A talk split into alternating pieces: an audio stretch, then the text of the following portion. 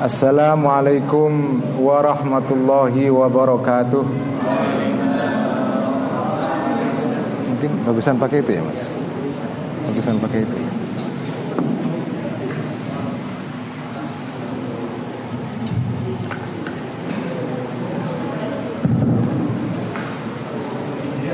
Assalamualaikum warahmatullahi wabarakatuh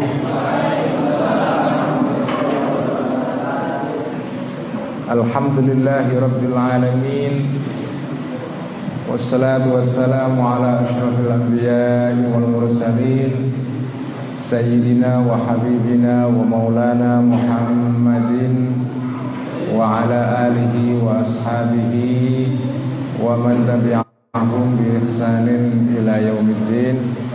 رب اشرح لي صدري ويسر لي أمري واحلل عقدة من لساني يفقه قولي. Wa Rabbi zidna ilma warzuqna fahma amin ya rabbal alamin. Amma ba'd. Para rawuh sedaya, para masyayikh, para asatidzah, tokoh-tokoh masyarakat. Wa fi muqaddimatihim khususipun Rois Am PCNU Bojonegoro doa nggih. Ya Maimun para hadirin hadirat, sahabat-sahabat TNI, Ansor, Banser, rekan-rekan dan rekanita IPNU, IPBNU, warga Nahdien, Nahdiyat, dan juga para teman-teman yang ikut menyimak ngaji ikhya pada malam hari ini lewat online, lewat internet di berbagai tempat di mana pun berada baik di Indonesia maupun di luar Indonesia. Pertama-tama kaulo ngaturaken syukron jazilan wa jazakumullahu khairan purun rawuh wonten dalu mereka ngrawuhi majelis Kopdar Ihya Kula ngertos panjenengan sedaya nggih gadah wazifah kathah nggih. Dalu menika termasuk wazifah nonton bola. Matur nuwun atas rawuhipun para hadirin hadirat sedaya. Matur nuwun karena saya diberikan kesempatan di majelis yang sangat mulia ini di kantor pengurus cabang Nahdlatul Ulama Bojonegoro. Wau dalu kula ngaos teng Blitar. Dalu menika kawula ngaos teng Bojonegoro. Janjane kawula menika ngaos ihya seminggu pindah tapi niki rada spesial ki memun Terus kula ngaos ihya niki dalam waktu 4 hari tiga kali berturut-turut teng Blitar terus teng Bojonegoro. Mangke Senin malam Selasa datang Rembang. Terus sekalian jalan apa ya di di entek ya terus kalau merasa bersyukur saged kepanggih kali rencang-rencang nahdiyin nahdiyat wonten ing Bojonegoro. Seminggu yang lalu saya ngaji ihya di Amerika. Terus ini ihya sudah saya bawa ke mana-mana. Saya bawa ke Korea Selatan, ke Amerika, nanti pertengahan tahun depan di Belanda.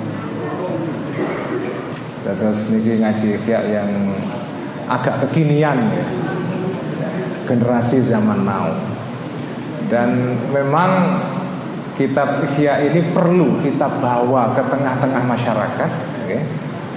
karena kitab ini kitab yang menjadi dasar panduan hidup umat Islam di banyak negara selama ratusan tahun sejak abad ke-10 Hijriah uh, Masehi. Terus Imam Ghazali menika wafat tahun 1111 di Baghdad di Khorasan pada umur yang masih sangat muda 53 tahun dan kitabnya ini merupakan merupakan saksi bahwa ini kitab yang pernah ditulis oleh ulama besar ketika peradaban Islam ya, Takofah atau hadarah Islamiyah Peradaban Islam itu mencapai puncak keemasannya Di kota Baghdad pada abad 8, 9, 10, 11 Masehi Selama 3-4 abad. Itulah masa-masa ketika umat Islam ada di puncak peradaban. Sekarang ini umat Islam di pinggir peradaban. Di titik nadir peradaban. Dulu umat Islam itu pernah berada di zenith atau di puncak peradaban Dan kota Baghdad pada abad ke-10 ketika Al-Ghazali menikah mengajar dengan madrasah Nizamiyah, tentang Universitas Nizamiyah ya. Kota Baghdad itu adalah New Yorknya dunia saat itu. Jadi kira-kira sama dengan kota New York, kota Manhattan itu salah satu pusat dunia sekarang itu kan di Manhattan. Di sebuah kota di New York ada kota kecil di pulau namanya Manhattan. Itulah pusat dunia sekarang. Nah, Baghdad pada saat itu itu adalah Manhattannya dunia saat itu pada abad 9, 10, 11, 12 Hijriah. Masehi. Nah, Imam Ghazali kita tahu semua imam besar yang disebut dengan julukan Hujatul Islam ya. Ngopo Hujatul Islam itu ya hujai tiang Islam, hujai agama Islam. Nah, Imam Ghazali hidup pada era meniko. Era ketika peradaban Islam meniko mencapai puncak keemasannya. Karena itu Ihya niki bisa kita lihat sebagai kitab dari era keemasan itu. Jadi ini ini kitab yang menjadi saksi keluhuran dan ketinggian peradaban Islam pada saat itu. Inilah kitab Ihya ini. Jadi ini kitab ini nggak main-main. Ini bukan kitab yang ditulis pada saat peradaban Islam sudah mundur. Ini ditulis pada saat peradaban Islam mencapai puncak tertingginya. Karena itu maus Ihya niku selain maus ajaran tasawuf, tapi sebaiknya juga ini kitab mengingatkan kita umat Islam sedaya bahwa ini kitab adalah kitab dari era keemasan peradaban Islam dulu. Supaya orang Islam ingat bahwa dulu umat Islam itu pernah mencapai puncak peradaban yang tidak kalah dengan peradaban-peradaban besar lain di dunia saat ini. Terus membaca kitab Ihya ini bisa dengan berbagai cara. Okay? Diwaos sebagai kitab ajaran tasawuf, ajaran akhlak, kitab yang mensintesiskan, menggabungkan antara syariat dengan hakikat dengan tasawuf, tapi juga bisa dibaca sebagai kitab yang menjadi saksi atas keluhuran dan ketinggian peradaban Islam pada abad 10 Masehi. Inilah kitab Ihya yang akan kita baca malam ini.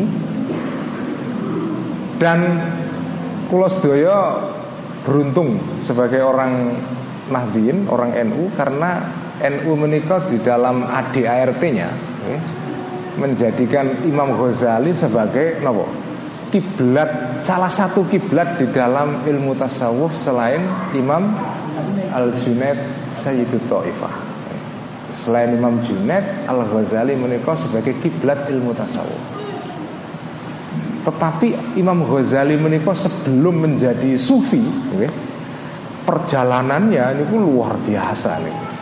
sebagai filosof, sebagai ahli fikih, sebagai ahli kalam, sebagai sarjana, sebagai ahli debat, okay? karena Al Ghazali menikah muridnya seorang guru besar madhab syafi'i, inggih menikah uh, Al Imamul Juwaini yang dikenal dengan jejuluk Imamul Haromen, okay?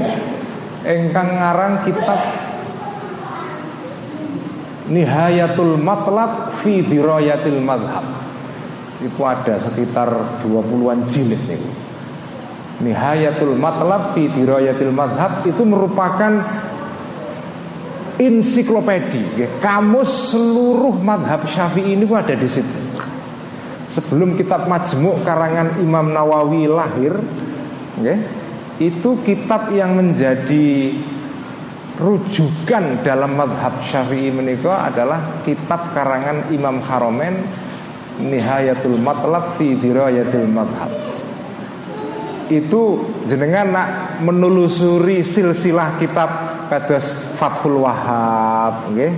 e, kitab Tuhfatul Muhtas kitab fikih ingkang dipun e, kaji teng pondok pesantren menika madhab Syafi'i okay?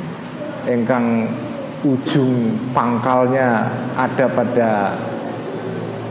Imam Nawawi menika sakndure Imam Nawawi adalah Imam Haromen Sumbernya adalah kitab Nihayatul Matlab fi Dirayatul Madhab Itu gurunya Imam Syafi'i Dan Imam Haromen itu dikenal sebagai ahli debat okay?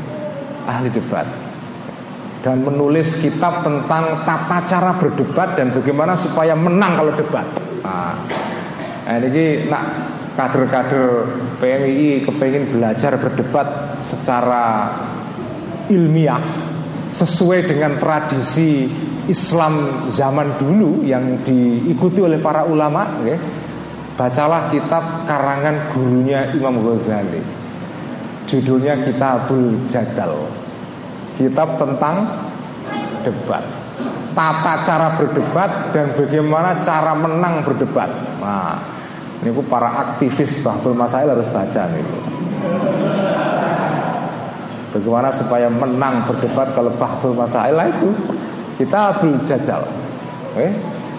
dengan niki wonten sing ngaos nate ngaos klub bul usul wonten nggih jamul jawame ah menjenengan ngaos lebul usul tekan bab namanya masalikul illah. Ah, itu di situ sebetulnya ada bab menyinggung sedikit tentang cara berdebat ala ulama zaman dulu yang ditulis salah satunya oleh gurunya Imam Ghazali namanya Al Imamul Zubaini atau Imamul Haram. Karena itu Al Ghazali disebut sebagai Hujjatul Islam. Karena muridnya seorang guru yang ahli debat. Dan Imam Ghazali itu juga dikenal sebagai ahli debat. Karena kelihainya berdebat itulah kemudian Imam Ghazali kemudian dipanggil oleh Perdana Menteri besar pada zaman itu namanya Nizamul Mulk yang mendirikan Madrasah Nizamiyah. Madrasah Nizamiyah meniko niku universitas pertama di dunia Sunni. Oke. Umurnya sama dengan Universitas Al Azhar. Cuma Al Azhar niki banyak yang tidak tahu. Universitas Al Azhar itu dulu yang mendirikan orang Syiah.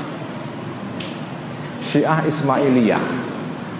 Syiah Ismailiyah menikah mendirikan negara teng Mesir namanya dinasti Fatimiyah, Ad-Daulah Al-Fatimiyah.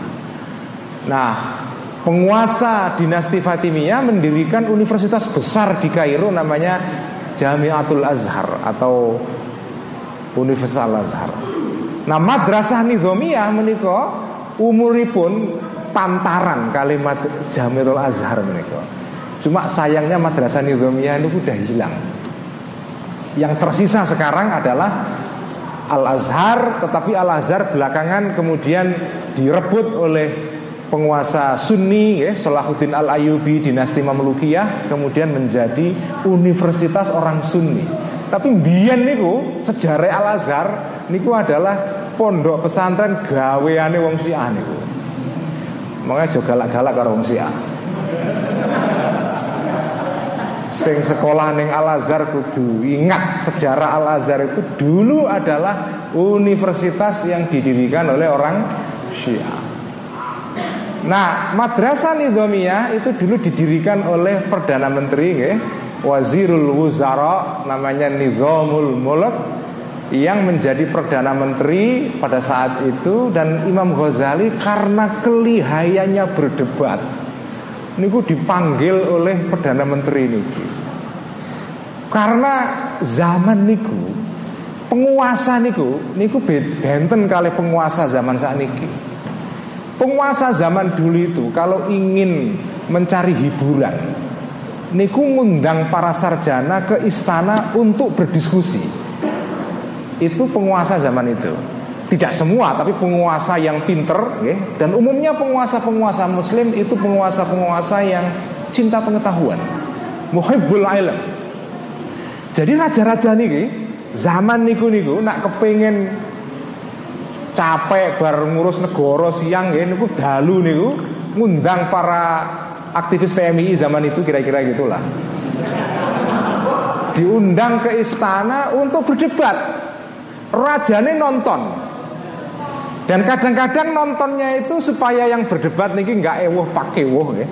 Dia menonton dari balik tirai, bersembunyi.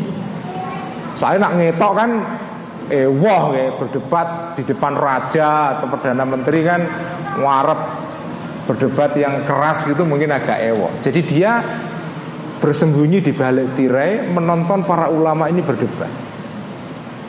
Nah dan yang unik lagi poros derek sedoyo zaman niku-niku sing diundang debat niku mboten saja orang Islam. Pendeta Kristen itu sudah diundang. Diundang ke istana untuk berdebat dengan ulama Islam tentang apa saja, tentang akidah, tentang kitab Injil, tentang Trinitas, tentang Al-Quran, tentang kedudukan wahyu dalam semuanya diperdebatkan. Imam Ghazali salah satu orang yang diundang nih sebagai tamu negara untuk ikut nah ini bu mengisi waktu para sultan guys, perdana menteri untuk ngisi waktu kosong supaya zaman itu kan belum ada Facebook belum ada Instagram, Twitter belum ada. Jadi ini para para bangsawan ini nak capek nggih, kelelahan ngurus negara, bengi-bengi kepengen nopo kepengen seneng-seneng ah niku ngundang para sarjana, para ulama untuk berdiskusi. Terus Al Ghazali ini imam besar yang juga dekat dengan penguasa. Tapi itu untuk sementara waktu. Belakangan Imam Ghazali kemudian merasa bahwa kedekatan dengan penguasa itu tidak tidak baik, okay? Bahkan dalam kitab Ihya beliau menuliskan bab khusus mengenai ulama apa? Ulama su ya, ulama yang ulama su di dalam pengertian Al-Ghazali inggih menika ulama engkang mencari pengetahuan bukan karena Allah tapi untuk hubbul jah riyasa, untuk mencintai napa kedudukan dan kekuasaan. Itulah ulama yang disebut dengan ulama su. Nah, Al Ghazali menikah pernah menjadi ulama yang dekat dengan penguasa. Dan terus Al Ghazali ini ngarang kitab Ihya itu sebagian itu berdasarkan pengalaman beliau sendiri. Jadi bukan ngarang-ngarang saja. Ketika beliau mengkritik ulama su yang dekat penguasa, Al Ghazali pernah ada pada kedudukan itu. Dan dia ngerti bahaya menjadi ulama yang dekat dengan penguasa itu. Kemudian beliau nulis kitab Ihya ini. Karena itu kitab Ihya ini memang kitab yang kalau dibaca Ini ku janjiannya kurang enak. Karena isinya ini ku kritik banyak kelompok. Ini betul. Kitab Al-Ghazali ini kan lebih dikenal karena kritiknya terhadap para ahli filsafat. Beliau mengarang kitab Kenapa judulnya Tahafudul Falasifah Menikah kitab yang berisi kritik terhadap para ahli filsafat Tapi janjane Imam Ghazali menikah yang dikritik bukan hanya ahli filsafat Semua kelompok itu dikritik oleh beliau. Nggak ada satu kelompok pun yang selamat dari kritikan Al Ghazali. Bahkan nak jenengan maos kitab Faisalut Tafriqah Bainal Islam wa Zandaqah Meniko dalam kitab meniko Al Ghazali yang kritik orang-orang yang mengikuti akidah Asy'ariyah juga. Terus yang dikritik Al Ghazali itu hampir semua orang. Memang beliau niki karena muridnya dia niki wow, muridnya sinten Imam Haromen yang ahli debat. Jadi beliau ini memang kritik semua kelompok. Beliau ketika sudah selesai dengan dunia menikah menjadi seorang apa? Seorang pandito, ya, begawan yang sudah meninggalkan dunia kemudian melakukan semadi atau meditasi khalwat ya, uzlah selama hampir lebih dari 10 tahun uzlah di masjid di Damaskus dan sebagian juga di Masjid Al-Aqsa di Yerusalem. Beliau selama bertahun-tahun uzlah dan merenungkan dan kemudian lahirlah kitab Ihya ini. Jadi ini kitab yang merupakan hasil dari perjalanan spiritual tapi juga perjalanan intelektual Imam Ghazali selama puluhan tahun sejak remaja sampai sepuh. Terus ini kitab yang luar biasa dan di Indonesia kalau ini ngaji ya sudah hampir dua tahun. Cuma ngaji ini rada aneh karena lewat online ya. Makanya kalau saat ini disebut sebagai KO Kiai online Santrinya SO santri online. Terus kalau ngaji kitab Ihya ini udah hampir 2 tahun dan di mana-mana dan saya ke, pergi ke mana-mana bertemu dengan banyak kiai-kiai di berbagai daerah yang merutinkan ngawas kitab Ihya. Ya. Uh, ada yang ngaji kitab Ihya itu 15 tahun baru khatam seperti Kiai Tolha Mansur. Napa? Eh Tolha Mansur, Kiai Tolha Hasan, okay. uh, mantan Menteri Agama Malang ngantos sak menika tesih rutin ngaos ihya seminggu sekali teng dalemipun. Ada yang ngaji ihya khatam tiga tahun. Ada itu yang ngaji ihya khatam tiga tahun itu di mas di pondok pesantren Darussalam Blok Agung uh, Banyuwangi. Kiai Hisham Syafaat kali Hashim Syafaat niku kiai kakak beradik niki maos kitab ihya niku anu napa bareng. Okay yang satu dua di mau diwoco adine sing jus empat diwoco kangane niku empat tahun eh tiga tahun selesai terus beda-beda ada yang khatam cepat ada yang khatam lama sekali kakek saya di Muhammadun Pondoan itu khatam ngaji itu 13 tahun ya karena keterangannya banyak sekali padahal itu tiap hari ngajinya gitu. Terus kitab Ihya ini dikaji di mana-mana. Kemarin saya ke Malaysia juga ketemu dengan beberapa eh, apa tokoh-tokoh yang di Malaysia yang di sana juga sama kitab Ihya juga dikaji ya. Meskipun tidak se apa seintensif di Indonesia. Mungkin kitab Ihya itu dikaji secara intensif ini pun paling intensif di dunia Islam sekarang ini. Saya menduga itu di Indonesia. Nggak ada dunia Islam lain yang mengkaji Al Ghazali di Maus kitab Ihya ini ku dari awal sampai akhir. Nah kan nak cara pondok ngaji ku ya khatam gitu. Dari alhamdulillahirabbil sampai uh, watam mahadal kitab. Mesti kudu ngoten. Ngoto kitab niku kudu dari awal sampai akhir. Nah ini kitab Ihya ini ku dibaca dari from cover to cover ya, dari awal sampai akhir. Itu tradisi itu mungkin di Indonesia. Di tempat-tempat lain di Al Azhar juga dikaji, tapi ngaji dengan cara tradisional dari awal sampai akhir itu mungkin hanya di Indonesia. Jadi kita sebagai umat Islam di Indonesia juga patut berbangga, ya. patut berbangga karena kita merawat ya, salah satu karya penting yang merupakan saksi dari keluhuran peradaban Islam pada zaman lampau dan sekaligus juga kitab yang menjadi fondasi ajaran tasawuf suluki atau tasawuf akhlaki yang paling penting dalam sejarah Islam.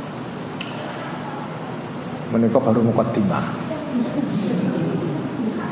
Saniki maos ihya nggih. Eh kula maos ihya niku mulai jil, jilid ketiga. Jilid ketiga terus kula niku memang kula acak nggih. Kula maos jilid tiga, jilid keempat mangke satu dua. Kenapa begitu? Ya karena memang intinya kitab Ihya itu kan di jilid ketiga keempat. Wong saat ini niku ora sabar, nakon maos kelamaan itu jadi pulau langsung loncat jilid 34 nanti tidak selesai baru nanti satu dua. Jadi saya kepingin mengajak umat Islam modern sekarang ini untuk melihat kitab Ihya langsung di jantungnya di intinya yaitu di jilid ketiga dan keempat. Atau atau kuadran misalnya ya, perempatan. Karena kitab Ihya itu dibagi empat. Terus rubuk ini kalau anda sing ngaos palak ya wonten rubuk ya rubuk itu kan yang kuadran ya nah kitab ihya itu dibagi empat perempatan empat rubuk. Rubuk pertama tentang ibadah rubuk kedua tentang muamalah rubuk ketiga mengenai uh, muhlikat penyakit penyakit hati rubuk ke terakhir munjiat yaitu obat penyakit hati. Nah saya langsung nopo loncat ke rubuk ketiga ya, yang berisi tentang ajaran mengenai hati manusia Bagaimana keajaiban-keajaiban hati itu diulas oleh Al-Ghazali sekaligus penyakit-penyakitnya karena beliau di dalam kitab jilid ketiga ini bagian pertama ini saya masih membaca bagian yang disebut dengan kitab keajaiban hati. Manusia itu jiwanya itu ajaib sekali. Itu yang diterangkan oleh Al-Ghazali dalam kitab Ihya ini dan malam ini saya baca sampai kulo niki mau ihya niku urut. Terus kulo tekan di Bojonegoro ini ya pas tekan niki halaman itu uh, halaman 941. Sampun angsal sedaya nggih. Uh, fotokopian nggih. Terus kulo rawuh mriki niku mboten terus milih teks sing kira-kira sesuai kalian Bojonegoro mboten. Ya, pokoknya sampai di sini saya ngaji ya sampai ke halaman 941 ya ini yang saya baca. Mari sebelum kita mulai ngaji ihya langsung kita hadiahkan Al-Fatihah datang muallif kitab ihya. Bismillahirrahmanirrahim ila ruhi nabiyina Muhammadin sallallahu alaihi wasallam وإلى أرواح الأنبياء والمرسلين وإلى أرواح الآل والأصحاب أجمعين وإلى أرواح الأولياء والشهداء والصالحين وإلى أرواح العلماء والمسنفين والمؤلفين خصوصا مؤلف كتاب في علوم الدين حجة الإسلام أبا حامد الغزالي قدس الله سره ونور طريقه وأعد علينا ببركاته ونفعنا بعلومه. وإلى أرواح أموات المسلمين والمسلمات والمؤمنين والمؤمنات خصوصا أرواح مؤسسي جمعية نهضة العلماء ومؤسسي بلد إندونيسيا وخصوصا إلى أرواح آبائنا وأجدادنا وجداتنا وأساتذتنا ومشايخنا شهود الله لهم الفاتحة أعوذ بالله من الشيطان الرجيم بسم الله الرحمن الرحيم الحمد لله رب العالمين الرحمن الرحيم مالك يوم الدين إياك نعبد وإياك نستعين اهدنا الصراط المستقيم صراط الذين أنعمت عليهم غير المغضوب عليهم ولا الضالين آمين Bismillahirrahmanirrahim Qala al-muallif rahimahullah ta'ala Wa nafa'ana bihi wa bi'ulumihi Fiddaraini amin Rabbi yassir wa'ain Halaman 941 Di uh, Bagian tengah Di 1, 2, 3, 4, 5, 6, 7, 8, 9, 10, 11, eh, 10 baris 10 dari baris 12 dari bawah. 1, 2, 3, 4, 5, 6, 7, 8, 9, 10, 11, 12, 13 Baris ke-13 dari bawah pada kalimat fatarol mukhannatha fi farahin bihalihi sampun kepanggih nggih. Fatarol mukhannatha fi farahin bihalihi Sederenge kawula waos kula kula kasih mukadimah sekedap nggih kala karena niki ngejlong teng-tengah niki janjane bahas nopo Terus bagian yang akan saya baca niku membahas soal akhlak ya. Terus menurut Al Ghazali jiwa atau an-nafas ya, jiwa manusia niku ajaib sekali. Al Ghazali menikah mendefinisikan akhlak itu sebagai hayatun rosihatun lin nafsi. Jadi satu keadaan yang mengakar secara mendalam pada jiwa manusia Nah, hayah atau keadaan ini, okay, kondisi kejiwaan ini yang menjadikan orang itu melakukan sesuatu mudah tanpa dipikir-pikir, tanpa ditimbang-timbang. Jadi kalau kita dalam diri kita itu ada kondisi mental yang mengkondisikan kita itu menjadi orang dermawan misalnya, okay, niku kita niku berdasarkan kondisi kejiwaan niki hayatun rosihotun lin nafsi niki Niku kemudian kita melakukan tindakan sebagai orang dermawan itu mudah sekali. Tanpa dipikir, tanpa ditimbang-timbang. Pokoknya berabreh Niku orang yang punya hayatun. Karena itu akhlak itu sumbernya adalah hayah niki. Nah kata Imam Ghazali Tiang niku nak pun gada hayah niki. Niku melakukan sesuatu Sesuatu yang sesuai dengan hayahnya niku Niku dengan kegembiraan Terus orang itu kalau hayahnya niku okay, kondisi kejiwaannya niku misalnya dia niku orang yang suka berinfak, suka memberi orang lain. Pada saat dia itu memberi orang lain, itu dia merasakan kebahagiaan. Farihan mustalidzan itu istilah Al-Ghazali. Orang itu merasakan nikmat ketika dia melakukan tindakan itu. Kemarin di Blitar saya membahasakannya itu roso Akhlak niku roso okay. Orang niku nak belum roso Ah ini berarti akhlaknya belum rosihotun Belum mengakar dalam jiwa manusia. Kalau ada orang memberi sesuatu menjadi tampak sebagai orang dermawan Tapi ketika dia memberi sesuatu itu gerundel dalam dirinya Tidak bahagia ah, Itu berarti akhlaknya belum sampai roso itu kalau orang itu okay, Orang itu kalau sudah sampai rosok Itu melakukan sesuatu dengan kegembiraan Kalau dia tidak melakukan tindakan itu Dia merasa resah, galau Seperti ada yang hilang okay. Kayak anak PMI itu Ada kan jenis anak PMI ini Orang demo sebulan itu rasanya gatel kabeh misalnya Gitu? Nah, itu karena hayahnya sudah menjadi aktivis yang suka demo. Ketika dia melakukan demo, ah itu gembira, plong, ya, kayak barngising nih terus plong. Ya, rasanya lego. Ah niku, niku akhlak. Oke. Nah, kata Al Ghazali, jiwa manusia niku aneh. Ada orang itu istilah yang beliau pakai adalah kurratul ain. Ya. Orang itu kalau sudah akhlaknya itu sampai ke kurratul ain Yaitu kurratul ain itu sumber kebahagiaan Kurratul ain itu ketenangan mata Mata batin maksudnya gitu. Orang kalau sudah sampai akhlaknya itu berupa hayatun Rosihotun Keadaan yang sudah mengakar Maka ketika dia melakukan sesuatu yang bersumber dari hayatun ini Itu kemudian dia menemukan kurratul ain merasakan ketenangan, ayem, lego, plong dan segala macam. Nah anehnya kata Imam Ghazali ada orang-orang yang menemukan kurrotul ain kebahagiaan itu di dalam melakukan kejahatan.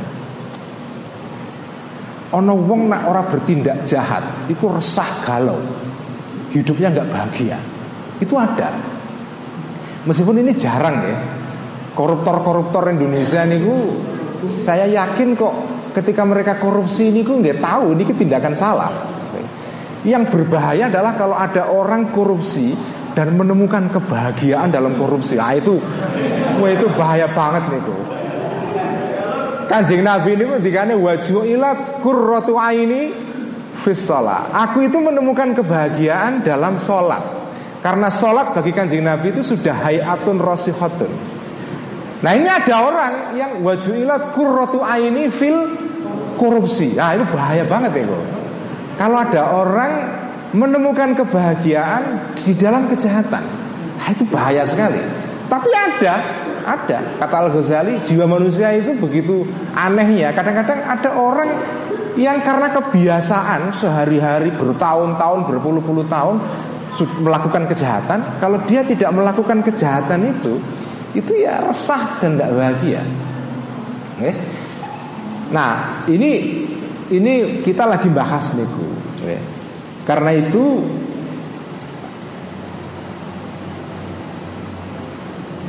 di sini di saya akan baca okay?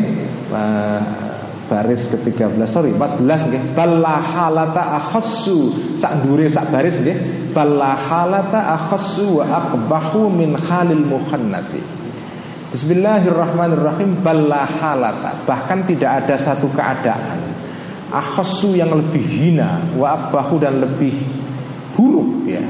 Min khalil muhannati dari keadaan atau tingkah kelakuan orang yang meniru-niru tindakan perempuan atau waria kalau bahasa sekarang syabuhihi di dalam apa usaha dia menyerupai bil inati dengan para wanita menyerupai dalam hal finat fis sya'ari di dalam mencabuti rambut.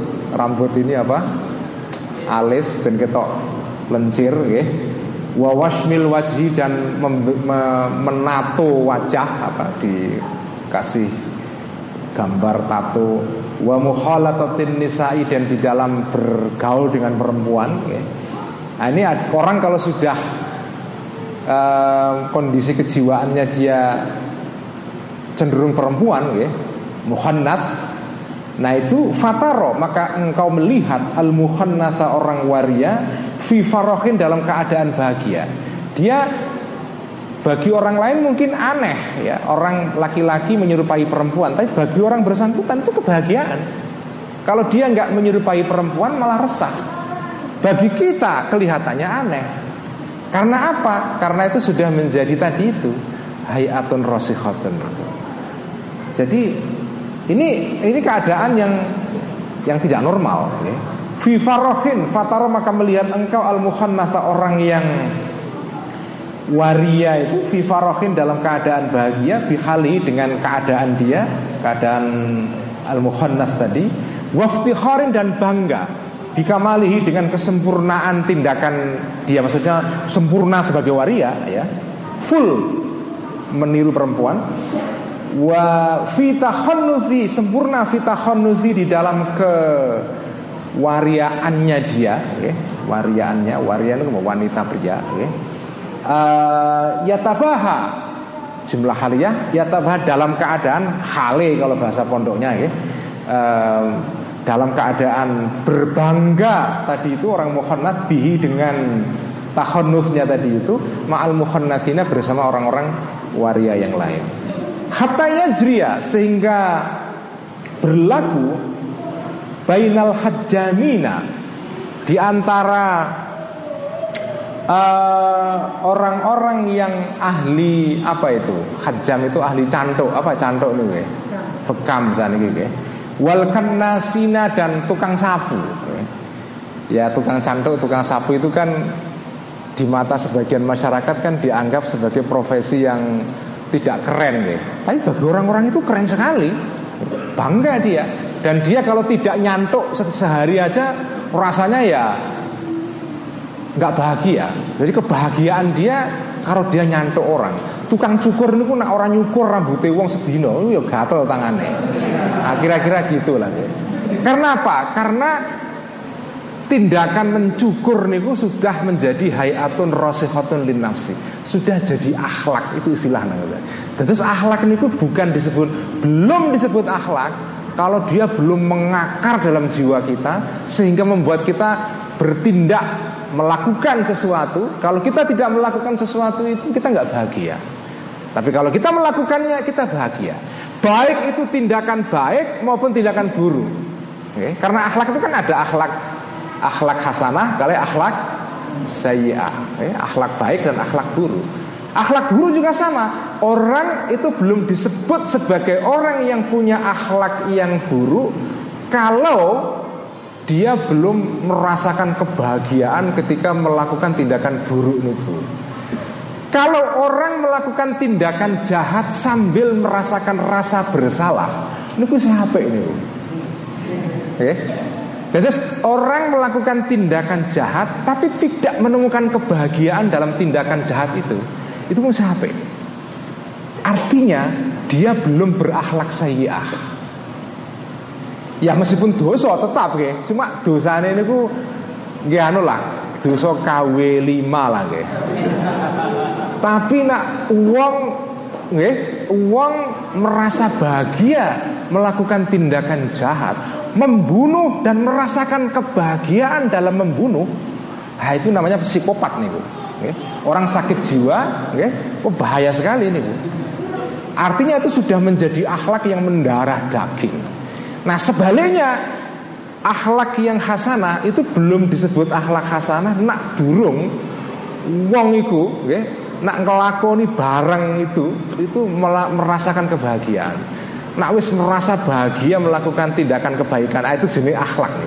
Nak ngelakoni tindakan apik ning isih rodok grundel apa macam-macam lah ah, itu berarti akhlaknya durung tekan kono durung tekan rasa kalau istilah Al-Ghazali ini karena memang kitab Ihya ini kan secara epistemologis ya, secara teori pengetahuan kitab Ihya ini kan sumbernya Niku kan dalam bahasa Arab modern disebut dengan al-hadas al-batini, intuisi. Terus ilmu ihya ini kan pancen ya tasawuf ya, ilmu tasawuf. Nah, nah ilmu kalam, ilmu teologi ini kan dasarnya penalaran rasional.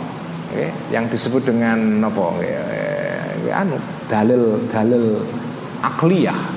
Tapi nak tasawuf niku dasar ini niku rasa yang disebut dengan al hadas al batini yang disebut dengan intuisi. Karena itu intuisi penting sekali. Rasa okay? Nah orang Jawa kan rasa okay? Orang Jawa itu nak soal rasa paling jago nih. Perasaannya dalam sekali okay? Nah itu Jadi orang belum disebut berakhlak kalau orang itu belum sampai ke tingkat rasa yang terdalam. Itulah itulah akhlak itu. Nah, jadi um, hatta yajri sehingga berlaku hatta yajriya sehingga berlaku ya bainal hajjamina di antara orang-orang ahli bekam wal kannasina dan orang ahli apa tukang sapu ya pasukan kuning kalau di DKI sana at-tafahuru bangga wal mubahatu dan bangga juga ya. kama yajri sebagaimana berlaku bainal muluki di antara para raja-raja wal ulama'i dan para ulam alim ulama. Jadi jangan dikira loh orang-orang yang melakukan profesi yang kira kelihatannya mungkin di mata kita rendah ya. Tukang sapu, tukang cantok, tukang cukur ya. Niku terus jenengan kira wah saake ya tukang cukur ya pekerjaannya kok tukang cukur penghasilannya piro sih? Jangan mengira jangan-jangan dia menemukan kebahagiaan di situ. Malah jangan-jangan ada orang yang jadi ulama dan nggak bahagia jadi ulama. Gitu? tapi ada orang tukang jadi tukang cukur malah bahagia jadi tukang cukur. Ada juga. Ada orang yang bahagia menjadi orang yang miskin cukup merasa cukup ya dengan harta yang pas-pasan. Tapi ada orang yang kaya raya tapi tidak menemukan kurratul ain. Tidak menemukan kebahagiaan dalam kekayaannya. Itu itulah yang disebut dengan ajaibul qalb oleh Al Ghazali Ke, keajaiban hati manusia. Ada orang yang profesinya rendah menemukan kebahagiaan di situ sama dengan kebahagiaan raja-raja dan ulama dengan profesi mereka tapi ada juga orang yang profesinya rendah bahagia, profesinya keren nggak bahagia. Banyak sekarang gitu. Banyak orang yang jadi dosen nggak bahagia jadi dosen. Karena dia merasa wah kalau seandainya jadi pengusaha konglomerat kok enak ya. Iri dengan yang lain, akhirnya dia nggak merasa nyaman jadi dosen. Dia milik kepengen jadi orang lain. Akhirnya tidak menemukan kurratul ain di situ. Tapi ada orang yang menemukan kurratul ain dalam profesi yang sederhana. Nah itulah yang disebut dengan ajaibul qalb oleh Al-Ghazali ini kok. Fakullu dhalika Maka semua tadi itu ya Orang-orang yang menemukan kebahagiaan di dalam Baik akhlak baik maupun akhlak jelek ya, Akhlak sayyah maupun akhlak hasanah Fakullu dhalika Natijatul adati Itu adalah hasil dari kebiasaan. Wal muadzofati dan kontinuitas apa terus menerus melakukan sesuatu itu. Karena sering karena terus menerus bertahun-tahun melakukan profesi itu tindakan itu akhirnya dia merasakan nyaman dengan tindakan itu. Muadzabah Uh, wal muadzabah itu ngelanggengke kalau bahasa pondok ini melanggengkan ala namatin menurut model wahidin yang satu alat dawami secara napa? Uh, terus menerus ya, continue mudatan dalam waktu madidatan yang lama wa musyahadatu zalika atau ya wa musyahadatu zalika dan melihat praktek itu semua tadi itu kebiasaan-kebiasaan itu fil mukhalitina atau mukhalatina fil mukhalatina di dalam orang-orang yang dikumpuli ya, dijadikan teman wal ma'arifi dan kenalan-kenalan okay? wal ma'arifi dan kenalan-kenalan ma'arif itu bisa artinya kenalan jamaknya kata ma'rifatun uh, apa itu ma'arifun kalau kalau ma'arif niku jamaknya kata ma'rifatun artinya pengetahuan. Lembaga ma'arif nah niku artinya pengetahuan. Tetapi ma'arif itu bisa jamak dari kata ma'rufun. Ma'arif artinya kenalan. Jadi lembaga ma'arif itu bisa lembaga kenalan Tapi lembaga pendidikan juga bisa Terserah ya. Tergantung kalau mufrodnya ma'rifatun Itu ma'arif artinya pengetahuan Tapi kalau mufrodnya ma'rufun artinya adalah kenalan Ma'ruf amin artinya kenalan yang bisa dipercaya.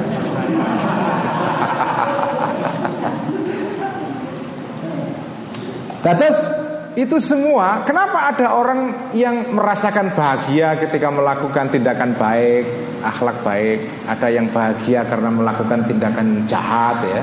Karena kebiasaan Nanti jatuh adah wal muwazabah ya.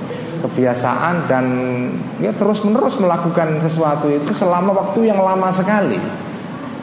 Niku kados ya katanya jenengan niku nak menaruh kodok tenggene panci dalam air yang dingin terus ke kompor pelan-pelan panasnya pelan-pelan niku sampai panas yang derajatnya tinggi dia bisa bisa bertahan di situ.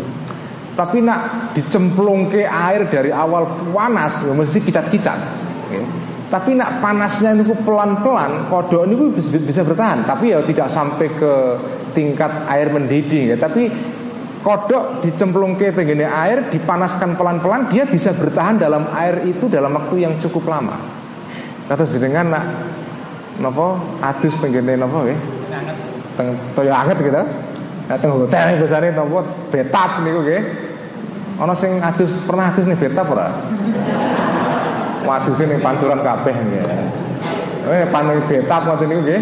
Niku kan kudu pertama dicurke nopo banyu sing adem. Berarti kita nyemplung di situ pelan-pelan dinaikkan suhunya, nggih. Ah niku mboten rasa panas, tapi nak dari awal nyemplung panas, oh, langsung kicat-kicat, gitu. Nah, itu sama. Orang yang membiasakan diri dengan keadaan tertentu, dia itu bisa mengadaptasi. Tapi kalau langsung berhadapan dengan sesuatu itu secara mendadak, dia akan menolak. Karena itu cara terbaik membuat orang melakukan sesuatu itu harus dikongkon langsung. Tapi pelan-pelan dikondisikan Itu yang dalam ilmu psikologi disebut dengan conditioning? Conditioning Pengkondisian Jadi orang niku Manusia niku Niki Makanya di sini kalau kita belajar ihya niku janjane kita belajar psikologi. Cuma ini psikologi yang dasarnya tasawuf. Dan terus menurut menurut ajaran psikologinya Imam Ghazali, jiwa manusia niku ajaib. dia bisa menyesuaikan diri, mengadaptasi diri dengan apa saja. Yang jahat bisa, yang baik bisa. Karena itu pesannya Al Ghazali tenggene kita ini, nak wong iso belajar akhlak elek dan merasakan kebahagiaan di situ. Loh kenapa kita tidak bisa belajar kemudian merasakan kebahagiaan dalam tindakan toat? Ono wong sing iso merasakan kebahagiaan yang maksiat. Loh kenapa kok orang iso wong menemukan kebahagiaan dalam toat? Kan aneh kan? Nah ono wong iso merasa bahagia melakukan maksiat, mestinya kan lebih-lebih bisa merasakan kebahagiaan dalam toat.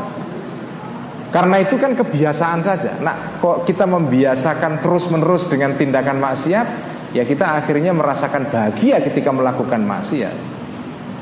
Tapi kalau kita membiasakan melakukan taat, ya kita akan melakukan mendapatkan kurrotul ain atau kebahagiaan di sana. Itulah pesan pokok dari kitab fikih di sini, ya. Terus jiwa manusia itu fleksibel, bisa apa saja, bisa apa saja dikon jahat ya iso, kon apik ya iso. Asal diwarah pelan-pelan itu iso. Karena teori Al Ghazali akhlak itu bisa dipelajari. Karena Al Ghazali menikah teng bagian sebelumnya ya.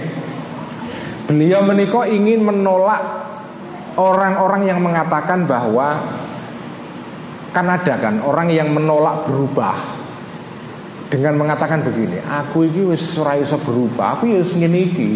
Kon berubah ora iso wis tuwa aku iki. Eh, ora iso aku kon belajar hal baru itu ora iso. Ya aku yang ini jadi ada orang yang menolak diajari barang anyar dengan alasan aku ora iso berubah. Iki wis watekku ngene. Ah itu yang di, disanggah oleh Al Ghazali itu tidak benar orang yang mengatakan begitu itu sebetulnya adalah itu justifikasi atau pembenaran terhadap kemalasan dia. Ning nak orang itu gelem belajar pelan-pelan janjane itu ya bisa berubah.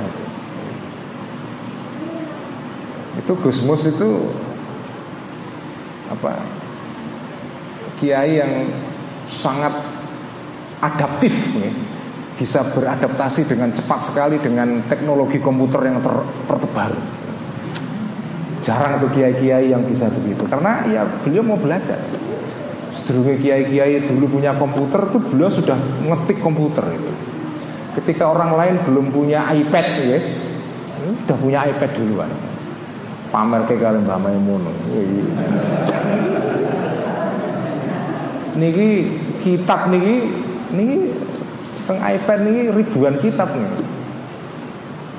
Terus Mbah Mbah Mustafa Bisri ini setiap ada gadget baru ini sangat anu mengikuti ya.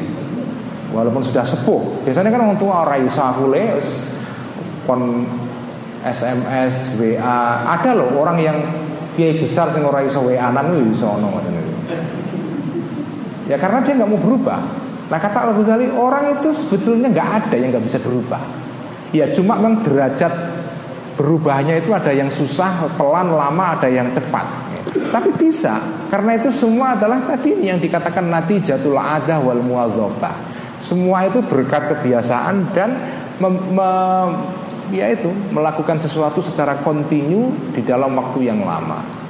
Itulah yang sebetulnya mau dikatakan oleh Ghazali.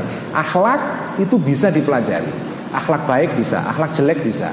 Dan tingkat tertinggi akhlak adalah rosol. Kalau kita sudah merasakan kurrotul ain di dalam tindakan itu, itulah baru menjadi akhlak itu. Saya teruskan ya, ini jam kesekian ya. Pulau terus sidik ya. Sampai akhir ke akhir paragraf ya. Fa uh, ya.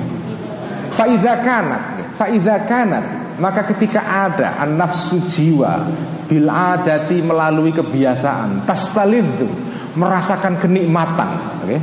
al terhadap barang batil barang yang yang yang batil yang batal yang buruk yang jahat watamilu dan condong an nafsu tadi itu ilahi kepada batil wa ilal maqabihi dan kepada keburukan-keburukan, kejahatan-kejahatan. Kalau ada jiwa bisa merasakan kenikmatan dengan kebatilan, Maka bagaimana tidak bisa merasakan kenikmatan al-nafas tadi itu al-haqqo kepada kebenaran. Laurudat ketika dikembalikan jiwa tadi itu ilaihi kepada al-haq muddatan pada suatu waktu ketika dia dikembalikan bertobat ya, kemudian menjalankan kebaikan itu waltazamat dan menetapi uh, apa me, menjalani secara kontinu al muadzabata terhadap apa ya, sama kontinu alaihi kepada al haq tadi itu ya, jadi kalau ada orang bisa merasakan kenikmatan dalam kebatilan Kenapa kok tidak bisa merasakan kenikmatan dalam kebenaran? Mestinya kan bisa. Asal dia kembali kepada kebenaran itu dan kemudian melakukan kebenaran itu secara muadzabah kontinu.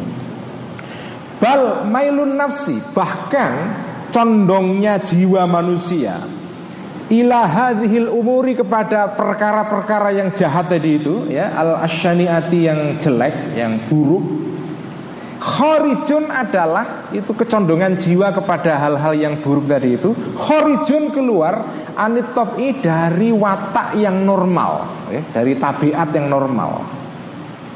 Itu kan gak normal. Orang merasakan kebahagiaan di dalam kejahatan, gak normal itu. Tapi ya terjadi, ada. Ya. Nah, yang nggak normal saja bisa terjadi, mestinya kan yang normal bisa terjadi. Apa itu yang normal? Orang merasakan kebahagiaan dalam kebenaran itu maksudnya. Jadi kharijun keluar anitopi dari nature, dari apa okay, natur tabiat, kebiasaan, tabiat manusia. Yudohi uh, menyerupai ya bisa menjadi hal ini dalam keadaan menyerupai hal yang menyerupai ya tadi itu uh, mile tadi itu. Condongnya nafsu kepada kebatilan yudohi menyerupai al maila kepada kecondongan ila akliti ini kepada makan nopo lempung. Orang yang merasakan kebahagiaan condong merasakan kenikmatan melakukan kejahatan itu kan Podo karo wong seneng mangan lempung. Eh, mangan apa? Uh, ya lempung nih gitu eh, lemah lempung nih ana wong seneng mangan lemah lempung.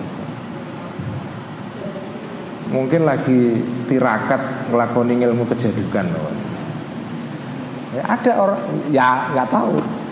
Saya kira kok nggak ada ya orang kok seneng mangan lempung nih Ya, tapi itu sama. Jadi kalau ada orang merasakan kenikmatan di dalam melakukan kejahatan, itu pada karo wong condong mangan lempung, seneng mangan lempung dan dan bahagia mangan lempung. Nah, itu kan horizon anit top ya, keluar dari the nature of human being ya dari tabiat manusia yang normal itu. Fakat yaglibu maka kadang-kadang dominan ala ba'din nasi terhadap sebagian manusia. Zalika tadi itu yaitu mailun nafsi ilal ilal batil ya bila adati karena kebiasaan. Kadang-kadang ada orang karena kebiasaan kemudian rasa yang dominan dalam dirinya itu rasa condong kepada kebatilan. Itu nah fa'amma mailuhu maka adapun condongnya Niki rujuke jane an nafsu, tapi an nafsu niku nak cara nahwu niku cara sorof nggih. An nafsu menika kategorinya lafal muannas. Nah niku kula inget imut bapak kula. Bapak kula niku nak ngaji ana ana domir rujuk ning mestine domir iku rujuk ning gone lafal muannas tapi domire muzakkar. Kan ewoh kan? Api ape diwahi kita yo ora enak wong siapa kita kok ngarep ngowah kitab gitu kan? Masuk arep ngoreksi Imam Ghazali kan ora sopan gitu. Tapi ikan ini domir mestinya muannas. Jan-jan ini ku gimana apa uh, apa ini ku wow Pak uh, amamailuha karena rujuknya tegene an nafsu an nafsu menika muannas Tapi harus digawe meluha, engko ora padha karo ngoreksi Imam Ghazali. Ora sopan niku. Lah piye carane jalan keluarnya? Nak cara bapak kula niku, jalan keluarnya adalah fa'amma meluhu. Adapun condongnya al-mazkur minan nafsi. Nah, yang sudah disebut tadi itu al-mazkur kan muzakkar ya, al-mazkur minan nafsi ya. Nah, itu jalan keluarnya ya. Gue ngakali gitu loh. Ben ora kurang ajar karo ulama ning yo ini bener. Nah, eh sorope bener. Terus wa amma mailuhu Adapun condongnya al-mazkur minan nafsi. Nah, Ini Kulo nak selalu ingat bapak kulo nak ngaos bilih ngoten niku. Terus nak ana domir janjane kudu muannas, nggih. Ming rujukane iku enggak. Domir muzakkar ning marjeke muannas. Ah iku cara ngakaline ngoten niku. Al-mazkur. Atau domirnya muannas ning marjeke muzakkar. Niku carane ngakali ngoten al-mazkurah. Nah, kan wanas toh al mazkurah nah, jadi nak pokoknya nak diwolak-walik nak nak domiri muzakkar marja'i muannas al al tapi nak domiri muannas marja'i muzakkar nggih al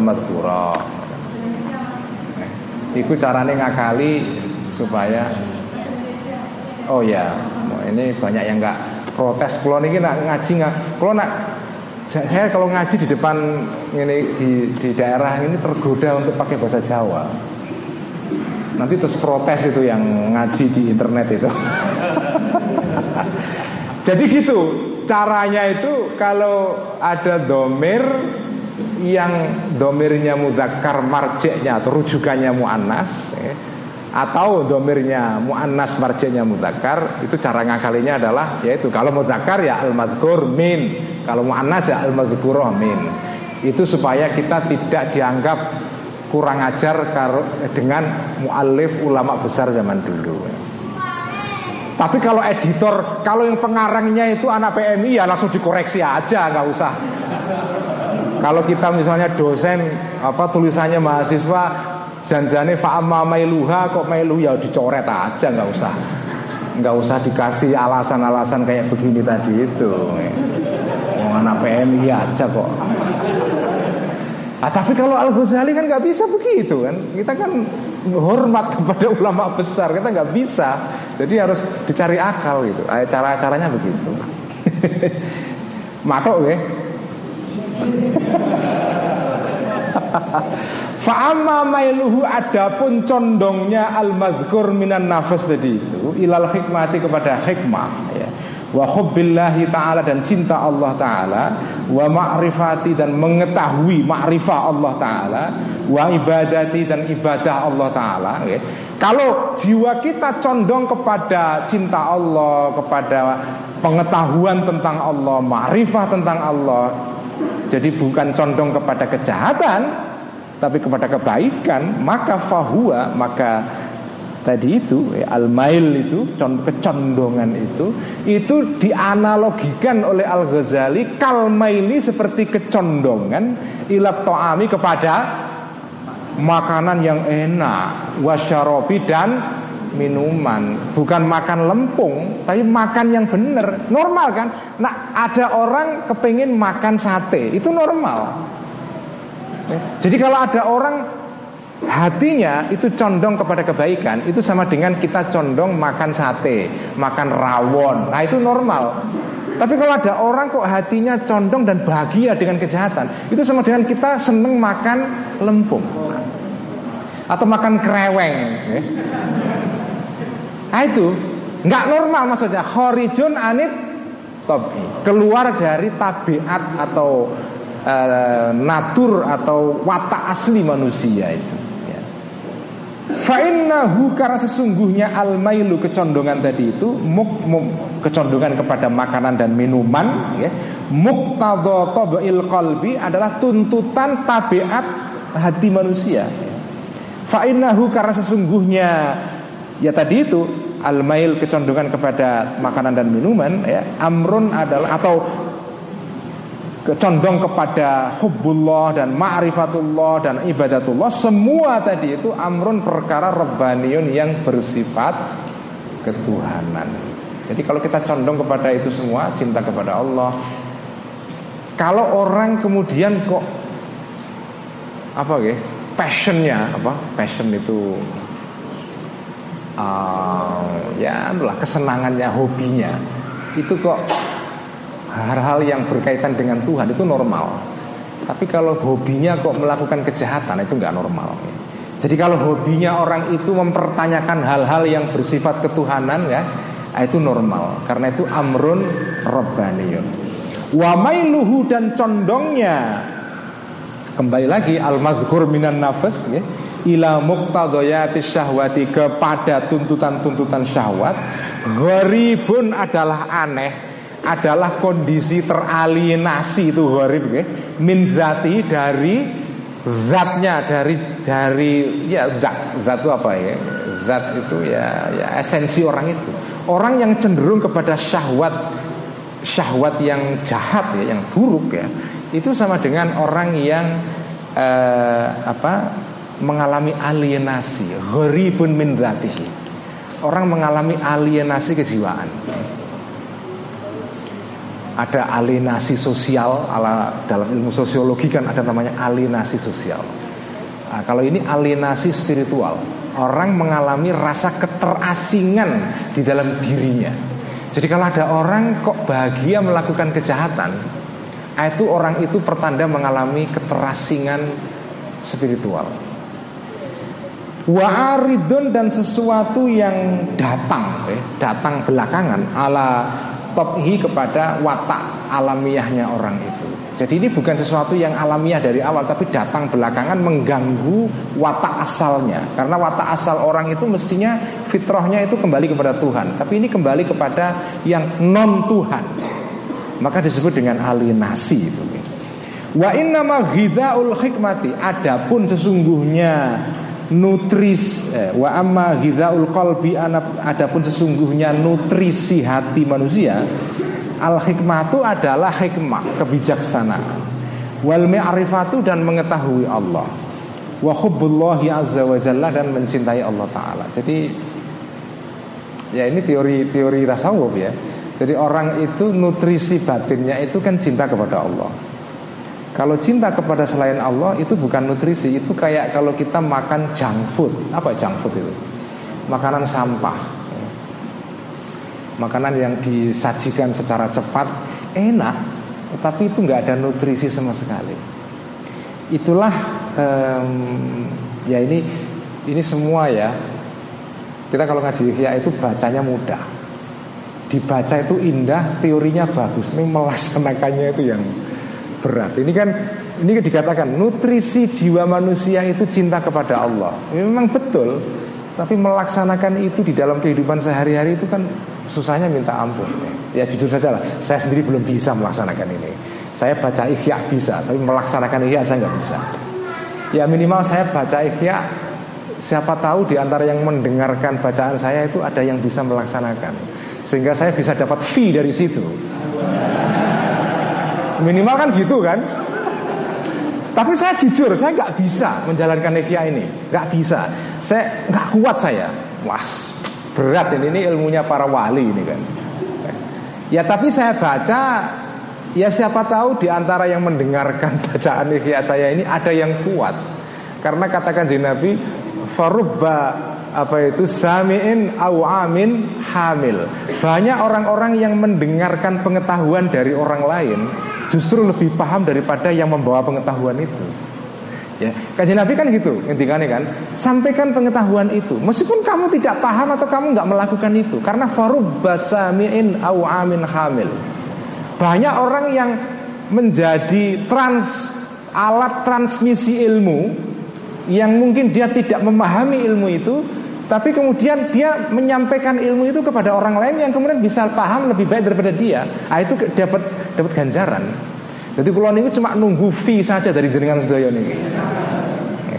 Saya sendiri nggak nggak bisa melaksanakan, tapi saya menunggu ganjaran keramat gandul dari mungkin saya yakin di antara yang sekian ini pasti ada lah ya, uh, yang bisa melaksanakan ini. Saya khusnudan ada, ya walaupun satu saya dapat fee lumayan lah. Jadi itu, uh, jadi nutrisi hati manusia itu adalah cinta kepada Allah.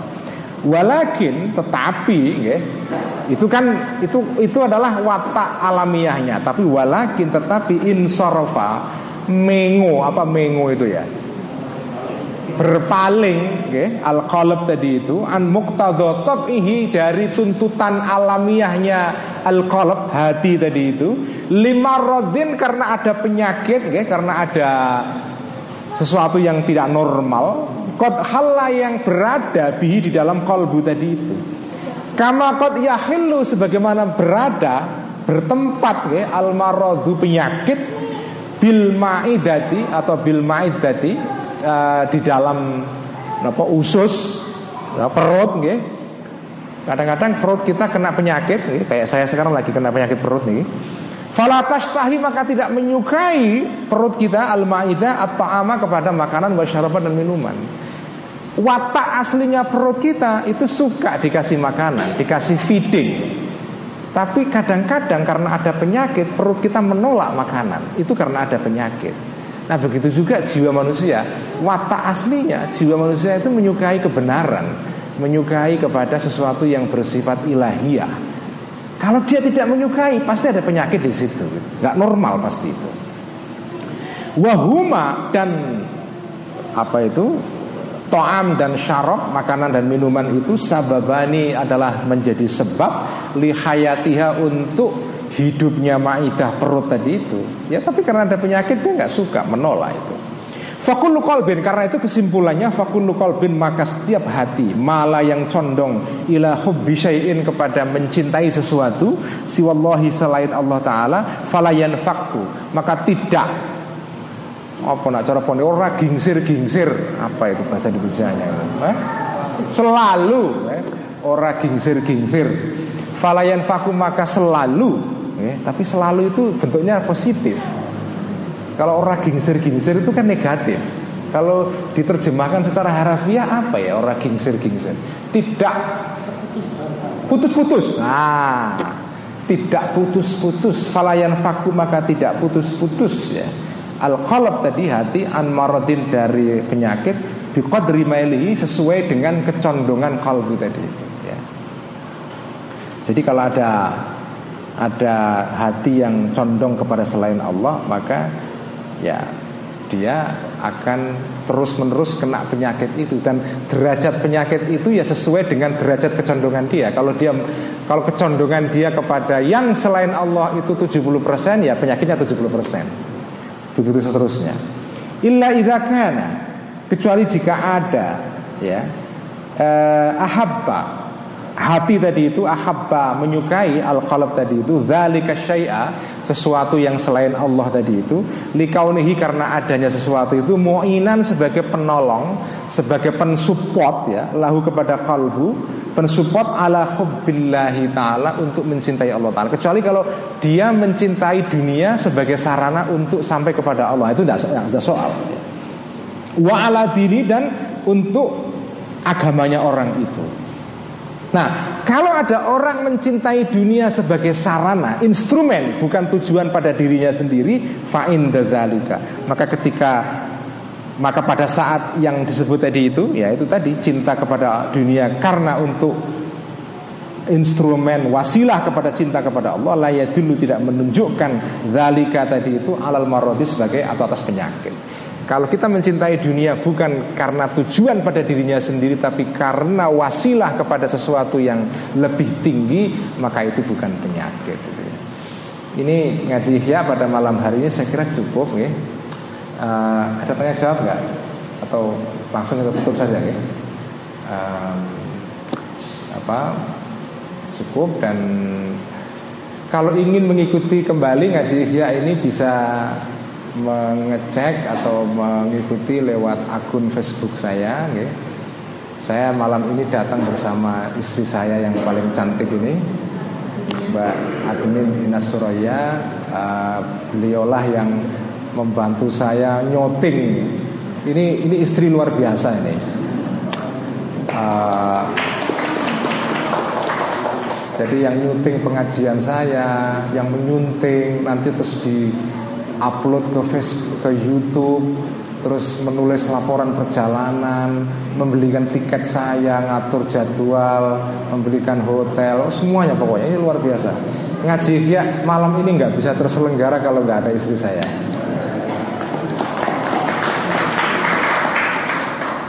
Jadi ngaji ya ini sebetulnya kolaborasi suami istri. Matur nuwun, terima kasih semua atas perhatian dan kesabaran untuk mengikuti ngaji ya ini. Malam Sen Senin malam Selasa besok saya ngaji lagi uh, di Rembang.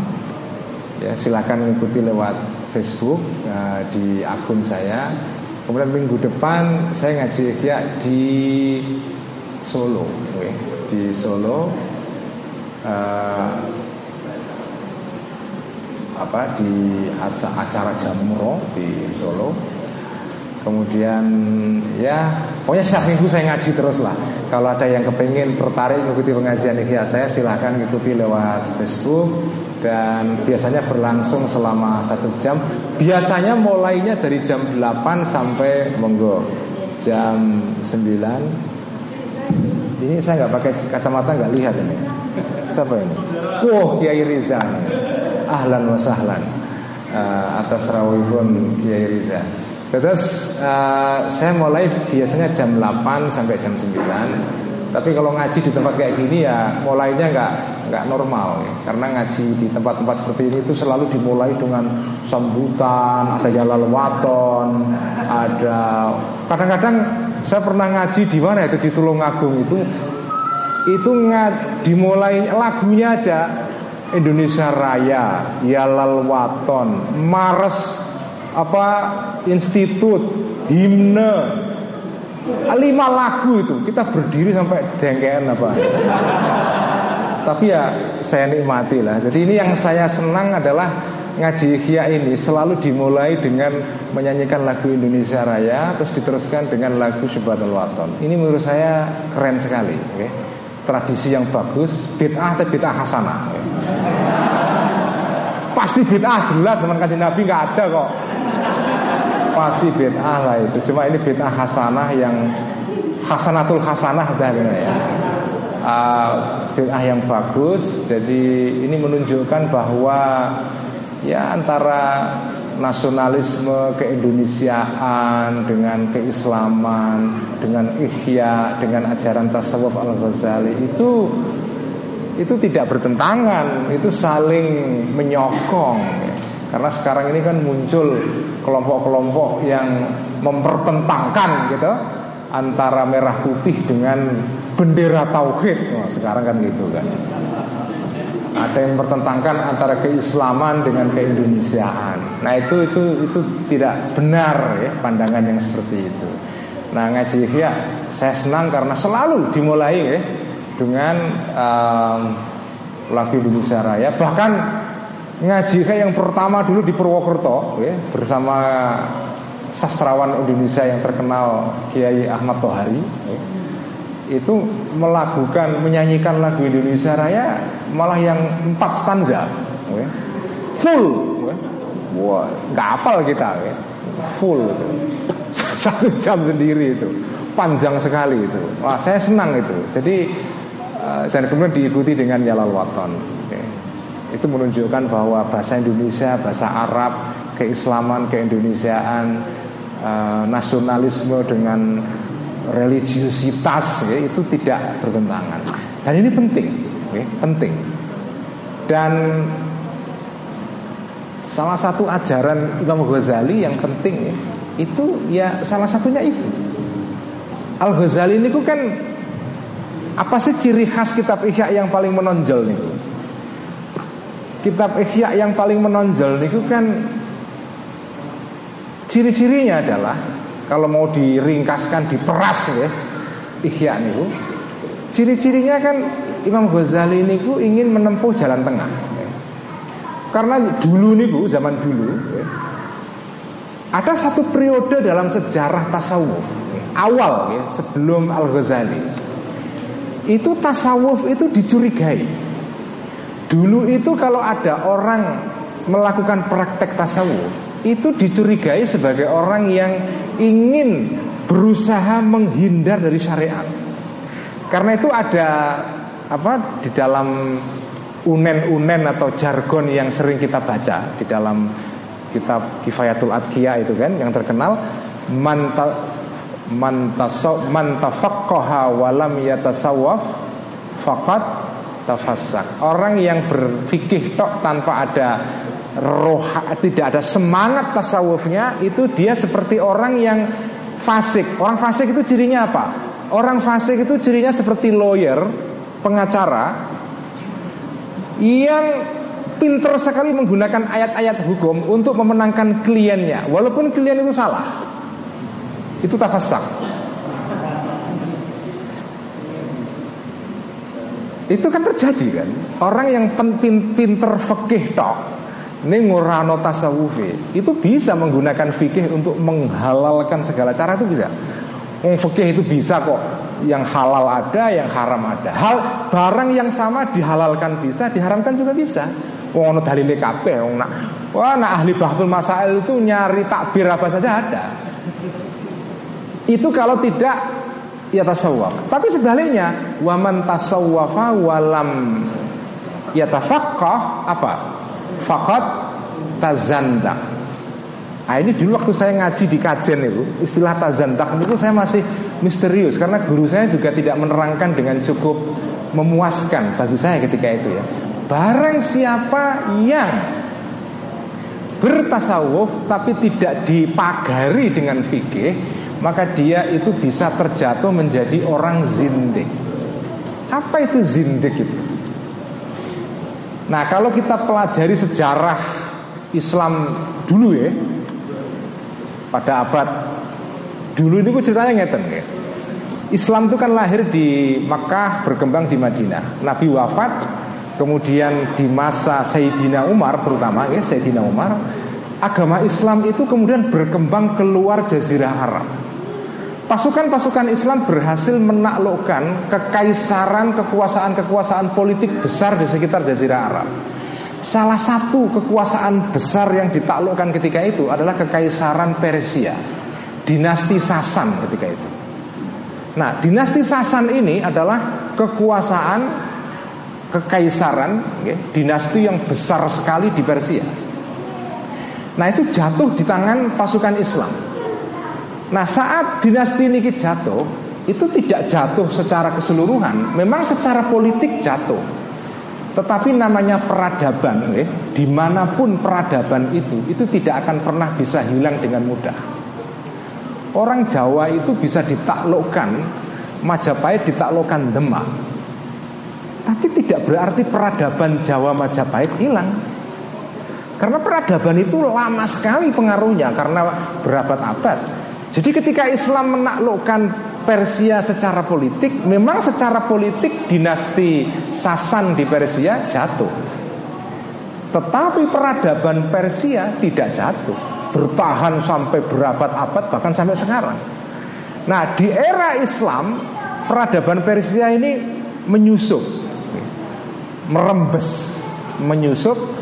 Nah, salah satu ciri khas peradaban Persia itu adalah mereka niku punya satu tradisi kebatinan, tradisi tasawuf yang berdasarkan kepada agama yang disebut dengan agama Zoroaster. Agama Zoroaster. Nah, agama Zoroaster itu ya kuat itu kebatinannya atau ilmu tasawufnya, ya, mistiknya. Sampai-sampai kadang-kadang kecenderungannya itu agak mengabaikan syariat. Nah, istilah zindik, zindik ini bahasa Persia. Zintik itu bukan bahasa bahasa Arab. Fakot tazandakon itu itu zintik dari kata bahasa Persia, cuma diarabkan. Nah istilah zintik ini saat itu artinya adalah orang-orang yang masih membawa pengaruh kebudayaan Persia berdasarkan agama Zoroaster. Jadi kira-kira fakot tazandako ini nak coro di, dijawakan. Barang siapa bertasawuf tanpa berfikih maka dia seperti kejawen. Kira-kira maknanya begitu. Paham ya? Masuk Pak Eko. Kira-kira artinya begitu. Jadi tazandak itu artinya adalah zindik itu adalah bahasa Persia. Saat itu nak ono wong disebut zindik itu kayak seperti orang sekarang dituduh PKI kira-kira gitulah. Ya. Kayak dihinakan gitu. Makanya gerakan tasawuf itu dulunya itu tidak berani terang-terangan. Pertama karena kalau orang cenderung tasawuf itu dianggap wah ini kok kebatinan kayaknya ya. Dicurigai, pasti kamu nggak sholat ya. Kira-kira gitu loh. Angger melok tasawuf itu dianggap nggak sholat. Sampai lahirnya, sampai lahirlah ulama yang namanya Al Harith Al Muhasibi, pendahulu Imam Ghazali. Al Harith Al Muhasibi ini orang pertama, sufi besar Islam pertama yang mencoba merehabilitasi nama baik tasawuf. Dulunya tasawuf itu dikesankan sebagai kebatinan yang tanpa diikat dengan fikih.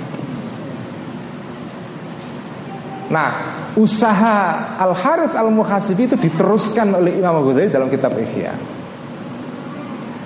Jadi kitab Ihya ini sebetulnya memang kitab yang merehabilitasi nama baik tasawuf. Karena tasawuf itu sebetulnya dulunya itu adalah ya tradisi yang baik. Tapi belakangan dengan pengaruh kebudayaan Persia yang sangat kuat ini, kemudian jadinya kok identik dengan tadi itu kebatinan yang tanpa syariat itu. Makanya kitab tasawuf, kitab Ihya itu ciri-cirinya adalah itu, mencoba men mengambil jalan tengah antara tasawuf yang terlalu bebas dan fikih yang terlalu ketat ya, tengah-tengah itu. Makanya kitab fikih itu kalau dipelajari itu mengajarkan kita untuk menjadi moderat. Karena itu kalau kita sekarang program NU itu adalah mengkampanyekan Islam moderat di mana-mana Islam Nusantara itu sudah seharusnya baca kitab Ihya dengan semangat seperti itu ya. Semangatnya adalah mengambil jalan tengah itu. Saya kira itu ngaji Ihya malam ini semoga kita mendapatkan pencerahan baik pencerahan intelektual maupun spiritual dan kita bisa diberikan kemampuan oleh Allah Subhanahu wa taala bisa melaksanakan isi kitab ya walaupun hanya sekian persen saja ya. Tapi minimal kita punya niat baik untuk mempelajari kitab ini melaksanakan isinya dan insya Allah kitab Ihya ini kalau kita kaji terus-menerus akan merawat wasatiyah atau moderasi Islam di Indonesia. Sekian, mohon maaf jika ada kekurangan dan kekhilafan. Minkum wallahu muwaffiq ila Assalamualaikum warahmatullahi wabarakatuh.